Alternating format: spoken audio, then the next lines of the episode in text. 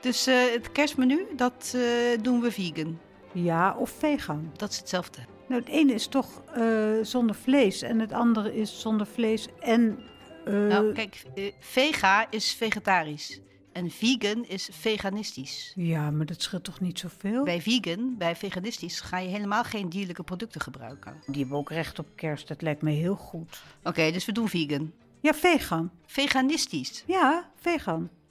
Gesmoorde zoete aardappel met pittige champignons en mozzarella. Mozzarella is toch niet vegan? Oh, maar dit is toch het vegan kookboek? Dat Super veg. is veg, dat is vegetarisch. Oh. Dat is dus volgens mij niet het goede kookboek. Ehm, We moeten dit kookboek nemen hè, met groenterecepten, want groenten zijn vegan. we gaan toch niet alleen maar groenten eten? Als ik kook, dan kook ik geen eh, eh, dierlijke producten meer. En dan kook ik ehm, ook geen dierlijke producten behalve dan ehm, kaas. Ik wil eigenlijk ook geen kaas meer eten, want dat komt natuurlijk gewoon van koeien. En eh, die worden dan geslacht, dus kun je ook net zo goed weer vlees gaan eten. Dus dat doen we gewoon niet meer. Vanaf nu niet. Ik vind het wel een enorm grote stap, moet ik zeggen.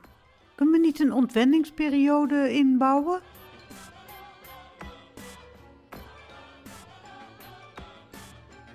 Het kerstdiner, Ja, het kerstdiner.